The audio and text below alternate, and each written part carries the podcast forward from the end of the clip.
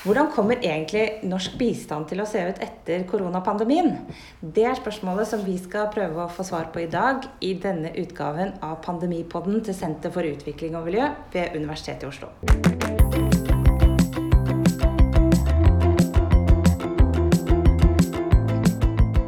Mitt navn er Bedikte Bull, og jeg er professor ved senteret.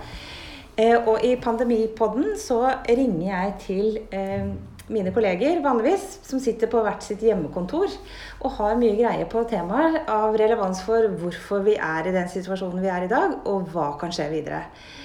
I, dag så har vi gjort et lite unntak for kollegaene kollegaen jeg skal snakke med i dag. Han bor rett borti gata, så nå sitter vi her med behørig to meters mellomrom og roper inn i mikrofonen.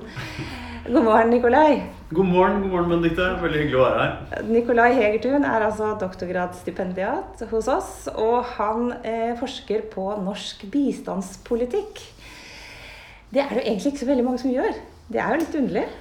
Ja, det er litt underlig. Det er... Eh det er sånn at det er et politikkområde som eh, går litt under radaren, selv om det er veldig mye penger der. Men eh, det har sine aktører som følger veldig nøye med. Men eh, det er veldig mange som forsker på utvikling generelt. Og så har du noen innenfor systemet som forsker på effekten av ulike tiltak og sånne ting. Men er, jeg syns det er få som forsker sånn som sitter utenfra og ser på dette her litt sånn systematisk og prøver å få litt sånn oversikt over hvordan politikken dannes osv. Det, så det fant jeg rett og slett ut da jeg jobbet med dette, og da fikk jeg veldig lyst til å ta en doktorgrad og forske seriøst på dette. For det er jo veldig store penger. Altså, mm. jeg fant ut i dag at altså, vårt bistandsbudsjett det er omtrent like mange milliarder som den, den bistandspakka de nå ble enige om til norsk næringsliv. Mm. Og så er det veldig få som snakker om det. Mm. Nylig eh, høring i Stortinget, så var det ikke ett spørsmål til bistandsministeren. Og jeg husker et bilde du la ut på Twitter der det så ut som det var koronapandemi, selv om det var for lenge siden. For det var jo nesten helt tomt i stortingssalen da, når bistandsspørsmål skal ja. diskuteres. Men nå har det jo også skjedd en del endringer i forhold til koronapandemien, mm. uten at egentlig det har vært debattert overhodet. Kunne du bare eh, si veldig kort hva er det som eh, Hva er de har annonsert skal skje nå? Nei, hvis man, eh, Det er jo noen ting de har annonsert. Eh, F.eks. så har de jo nå annonsert at de skal gi litt mer til noe som heter CEPI, som er en sånn global allianse for forebygging av pandemier og epidemier og sånn. Eh, de har eh, også gitt, inngått nye avtaler med en del sånn humanitære organisasjoner. Så de, de, på en måte blar litt opp på det humanitære nå, for de frykter jo konsekvensene av dette i mange land som er veldig sårbare. Eh, også, også, er det Så har selvfølgelig Norge selvfølgelig, men eh, gått i bresjen for å opprette et nytt fond også, som er viet denne tematikken her. Og gitt 150 millioner til det. Eh, men dette er ting som de har annonsert nå, men jeg tror eh, Hvis, hvis jeg kan da si det litt sånn ryddig, så er det jo sånn at Norge har en, en budsjettprosess i løpet av et år som eh, tillater for en del endringer underveis. Og den største, på en måte det viktigste punktet for å ta en fot i bakken og se om budsjettet som var planlagt i fjor, stemmer med det som skjer, er jo revidert nasjonalbudsjett, som kommer opp nå snart. Og, eh, og der kommer det jo til å komme en del endringer. Eller det er jo Eh, store endringer for hele Norge, for alle budsjett, for alle departementer. ikke sant? Men eh, der kommer det nok til å komme en del endringer. Det kommer til å bli kanskje det viktigste reviderte nasjonalbudsjettet som vi har hatt i, på mange tiår. Og, eh, og, så har man også en del punkter utover høsten, hvor man såkalte nysalderinger, som man da kan justere litt underveis. da. Så nå tror jeg man ser ganske kritisk på alle budsjettposter på budsjettet, og så vrir man alt for å kunne avhjelpe konsekvensene av korona eh, gjennom bistanden. Så er det jo sant, noen, noen former for bistand som man ikke kan eh, gjøre nå, rett og slett. Eh, fordi man ikke kan reise mellom land, f.eks. Så eh, det har jo satt sine naturlige grenser for at eh, man ikke kan da utbetale ting gjennom f.eks. ekspertbistand, hvor liksom, norske eksperter reiser rundt og møter andre. Og det, så man må gjøre ting annerledes. Eh, og det er en del penger da som ikke blir brukt, som da vil da nå omprioriteres eller omdisponeres til ting man og Gjerne da tenker jeg veldig mye humanitært. Så det kommer nok til å skje i dette budsjettet nå, altså revidert og resten av året nå. Man vrir alt. Man ser veldig strengt på alle budsjettposter og hva man ikke kan gjøre noe med. Altså har man noen kriterier nå, eh, og det er korona eh, som står i høysetet da. Det er jo litt interessant det du sier, at liksom, typisk så lager man et fond. For det, det er jo en av liksom, favorittverktøyene til, til, Norge. Det er litt sånn en, eh, Vi har en motorsag, og da ser alt ut som en skog. Men er det um, Men jeg tenker en annen ting. Det har vært brukt veldig Man har brukt lang tid på å prioritere mottakerland. Tror du det det er jo ikke nødvendigvis i de prioriterte mottakerlandene som koronaepidemien kommer til, eller pandemien kommer til å slå hardest. Tror du det kommer til å bli endret? Ja, Det er vanskelig å si. Jeg tror eh, Egentlig så ser man jo nå f.eks. at eh, man har allerede gitt mer til Malawi, til Afghanistan, til Syria.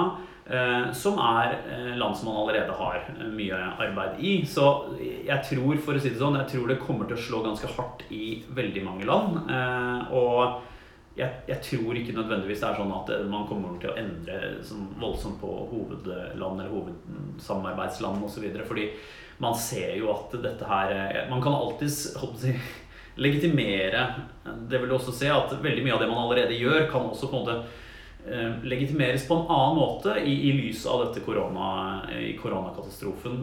Fordi eh, det, så man også når man hadde f.eks. den migrasjon- eller flyktningkrisen i 2015. at at mange av de organisasjonene som får bistand, eller om, om Det kan også være at f.eks. hvis man har en matvarekrise, så, så er det mulig å si at det man gjør, eh, er viktig for nettopp den krisen eller nettopp det temaet som er høyt oppe på agendaen. Eh, så det, det ser man jo ofte, og det, det, tror jeg også man kan gjøre med, med land også. At disse, disse landene som man allerede gir til, de, de trenger dette nå sårt også. Det, det, eneste lille, lille, tilløpet til bistandsdebatt jeg har sett de mm. siste mm. ukene, mm. det er jo at organisasjonene kommer med på en måte at det de jobber med, det blir ekstra viktig når Flyktningrådet sier nå blir det veldig viktig å hjelpe flyktninger, Redd mm. Barna, nå blir det veldig viktig med barna. Og så kommer Norfund og sier nå er det bedriftene i sør som skal reddes. Men er det liksom typisk for bistandsdebattene generelt, eller er det ja, det vil jeg si. Eh, det har, jeg også forsket litt på, som kanskje etter hvert kommer ut i en doktorgrad. Men man eh, er veldig eh, gode til å endre retorikk i tråd med den til enhver tid gjeldende krise eller tema. Da. Og og nå gjelder det jo å vise hvem som er best rustet til å hjelpe utsatte grupper som blir rammet av denne pandemien. ikke sant? Og, det, Da vil jo noen si at vann og sanitær er veldig viktig, f.eks. Andre vil si at jobbskaping er veldig viktig, for de økonomiske konsekvensene er så voldsomme. Andre vil si kanskje at matsikkerhet er veldig viktig nå, fordi man når ikke markedene og det, eller helsevesenet. Mange vil jo si kanskje at skatt for utvikling er veldig viktig nå, fordi man trenger en god skattebase for å være litt mer robust i slike kriser eh, og Så, videre. så Men de samme ville nok sagt mye av det samme om f.eks. om det gjaldt å stabilisere sårbare land. For eksempel. så, så det, det, er ikke helt uh, ukjent, nei. um, tror du det kan gå på bekostning av helhetstenkningen? Nå tenker jeg både nå og generelt sett. Jeg, altså, jeg, jeg syns det er oppsiktsvekkende hvor, hvor eller stabilt og hvor så mye kontinuitet det er, tross alt alle disse Og det handler jo om at man si, reframer på godt norsk. Man, man, man, vinkler det på måter som, som, gjør at det man allerede gjør, også er relevant for nye kriser. Og det er jo også det, det, er jo også noe som jeg har sett i min forskning, at, er, at norske byråkrater er også veldig flinke til det. og Når det kommer nye politisk ledelse inn for i departementet og har en andre kjepphester, så vil de også påpeke at ja, det vi allerede gjør her, passer veldig godt med det du har tenkt der, fordi sånn og sånn. Og så, ja. Fordi man ser Det er jo det som er med utvikling. Det er et litt sånn ullent begrep, og det er veldig mange synergier eh, som det er lett å koble på. Men altså, eh, alle undersøkelser viser jo at nordmenn er nesten rørende eh, støttende til bistand. Selv om vi ikke nødvendigvis tror så at den virker så veldig bra. Men eh, det blir nesten litt sånn som nå altså det, altså det, er så overveldende, disse, disse spørsmålene, at eh, vi håper at noen har peiling på hva de bruker det Bruk så mange milliarder dere bare vil. Bare få litt sånn orden på dette her. Men tror du, nå som vi kanskje føler oss litt mer sårbare selv, eh, for første gang på veldig, veldig lenge, at det kan ha noe å si på vår støtte til bistand?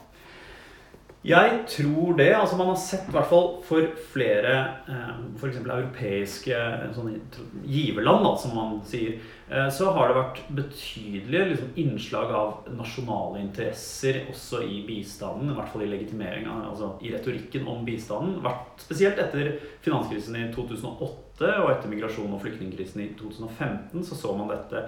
Eh, og I tillegg så har det en sånn større vekt på globale fellesgoder. Eh, det har vi også vært veldig opptatt av i Norge. Eh, og det er noe som vi nyter selv godt av, at det blir ivaretatt. Og det har nok vært viktig for mange land for å legitimere bistanden. I en del tradisjonelle giverland så har jo de har slitt betydelig mer økonomisk enn det Norge har gjort de siste 10-15 årene. Så jeg tror, ikke nordmenn, jeg tror ikke nordmenn vil være mindre opptatt av å løse globale fellesgoder, eh, eller løse globale fellesonder, som det heter. da. Men det kan godt hende at vi ikke blir så veldig opptatt av om denne utviklingskomiteen i OECD, eh, altså DAC, godkjenner dette som bistand. Jeg tror mange giverland har vært veldig lenge, i veldig mange år, vært opptatt av at det de forsøker å gjøre, skal bli anerkjent av OECD som bistand.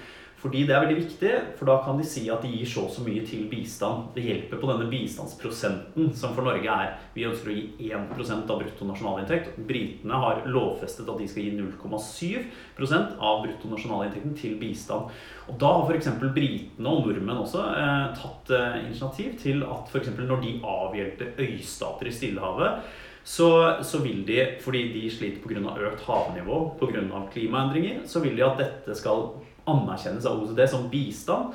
Eh, men det har ikke, som regel ikke blitt det, fordi disse statene er mellominntektsland. Eller de er for rike for at dette kan kategoriseres som bistand. Da. Men nå fremover så tror jeg at når du får så store katastrofer som dette, så tror jeg man er opptatt av å løse dette. Mange nordmenn kommer til å være opptatt av det, selv om det ikke anerkjennes som bistand. Da. At man kanskje bruker penger på det uansett, og ikke er så opptatt av denne kategoriseringen bistand eller ikke, og hva disse teknokratene i kanskje, OECD mener om det. Kanskje vi blir mest opptatt av at alle andre land også får litt skikk på dette, her, så vi kan begynne å reise til Syden igjen? ja, jeg tror faktisk det er et sterkt insentiv. Det, det skal vi ikke se bort fra. Men eh, jeg tenkte, nå er det jo eh, det er, Vi ser jo for oss ganske store endringer, og det trekkes opp liksom de store linjene altså i artikkel etter artikkel er, nå er det liksom endelig døden for den liberale verdensordningen, og den globaliseringens tidsalder er, er, eh, over og ut. Eh, hvordan tror du disse endringene kommer til å påvirke norsk bistandspolitikk fremover? For det første så tror jeg det ikke er veldig lett å eh, påpeke slike historiske brudd, eller sånn, det histori historikere kaller sånn periodisering. Når det faktisk skjer. Det tror jeg er veldig vanskelig å si, selv om man eh, jeg, jeg, altså jeg, tviler nok på at vi går inn i en ny tidsepoke her. Eh, men denne krisen er nok muligens den største vi har hatt på ja, gudene vet hvor lenge. Så, og implikasjonene av denne krisen er jo eh, store. Eh, så, så eh, jeg tror mange av de krisene man har sett opp til nå, som egentlig har dannet grunnlaget for f.eks. det statsvitenskapelig teori har å si om politikkendring i møte med kriser, har jo vært mye mindre enn denne krisen her. Så det her er Det, det blir nok svært. Men jeg tror, eh, i tillegg til det jeg sa om fremover, om f.eks. dette med globale fellesgoder, at det kommer til å man gi litt beng i, eller kanskje noe mer i om det er bistand eller ikke, så tror jeg at man har sett at eh, f.eks. Europa har jo har jo gått fra stadig mer integrasjon til liksom desintegrasjon. Eh, og USA har trukket seg noe mer tilbake fra en del sånn multilaterale arenaer innenfor f.eks. innenfor utviklingssamarbeid osv. Og, så og mange sier at de har forlatt sitt ansvar osv. Og, så og da er det jo kanskje litt idiotisk da etter, eh, etter tiår etter tiår hvor man må bidra til globalisering eh, og sammenveving på tvers av land, så skal man sånn, trekke seg fra hverandre når måte, dette er fullbyrdet, kan du si, og man ser konsekvensene gjennom en pandemi f.eks. Her er vi jo sammenvevet, vi kommer ikke unna det. Og da er det kanskje litt dumt å forlate eh, det globale fellesskapet, eller det samarbeidet også, vil jeg jo si da. Så, så det, det, man ser nå, er jo at dette krever jo internasjonalt samarbeid. Eh, og så kan man jo Jeg tror man også, når du nevner dette med liberalt demokrati eller ikke, jeg tror i alle fall at man får en økt bevissthet eh, om det å være såpass i sårbarheten i det å være såpass avhengig av eh, et land som Kina. Eh, jeg tror mange begynner å tenke i sånn Huntington, Samuel Huntington-baner om sivilisasjoner osv. Og mange vil nok være tilbøyelig til å stole f.eks. mer på demokratiet i India kanskje, enn den røde kjempen i Kina f.eks. Og, og da tror jeg man også begynner å tenke på hva denne globaliseringen, eh, når den avhenger så mye av Kina, f.eks. når det gjelder globale verdikjeder, eh, hva det har å si. Eh, så jeg tror, Men samtidig så kan man si at kineserne har jo vist seg ofte å være veldig pragmatiske. da. Så hvis det er sånn at du får en veldig sånn global opposisjon mot Kina, og man vil legge om nærmest globale verdikjeder som er avhengig av Kina, så tror jeg man også kan se at de ganske kjapt kan snu seg rundt også. altså. Så, eh, ja. Og så er det jo også kineserne som er mye mer på en måte støttende til nettopp et internasjonalt samarbeid, bl.a. om bistand og en del andre saker, enn en f.eks. USA. Det er jo veldig slående at nå driver Kina og sender flylaster med, med munnbind, mens eh, Trump truer eh, Verdens helseorganisasjon i en situasjon som dette. Eh, men kan vi, kan vi, få se at eh, internasjonalt samarbeid faktisk fortsetter, men med en helt annen konstellasjon og et annet verdigrunnlag? Det kan man. Det kan man absolutt, men jeg tror samtidig at eh, altså Dette kan både Dan Danik, vår kollega, og du si sikkert mye mer om. Men, men jeg tror eh, den, det budskapet som Kina har hatt om deres unike fattigdomsreduksjon, har vært et vanvittig vanvittig effektivt budskap og narrativ i internasjonale relasjoner og deres diplomati. Eh, og i deres forsøk på å øke innflytelsessfæren deres. Eh, og når de nå også har mestret denne pandemien Det, det kommer til å bli et voldsomt eh, budskap. Effektivt, tror jeg. Men Ja, og, og det at De vil jo sikkert si, da, hvis vi entrer nå en tid med stadig flere kriser så vil de nok si at vårt styresett se her, det mestrer disse krisenes altså krisenes æra bedre enn det treige liberale demokratiet, f.eks. Eh, men jeg tror samtidig at nettopp det at det startet i Kina, at nettopp den mangelen på transparens og det at man kanskje kunne slått det ned tidligere der, og den mangelen på åpenhet der, også kommer til å være noe som eh, og ja, kommer til å prege debatten og ikke være nødvendigvis en fordel for Kina. Så, så det med åpenhet tror jeg uansett kommer til å være, være viktig fremover. uansett. Og det kommer nok sannsynligvis Norge til å legge vekt på i bistanden og eh, måten de håndterer land i sør etter hvert på også, vil jeg tro. Absolutt. absolutt.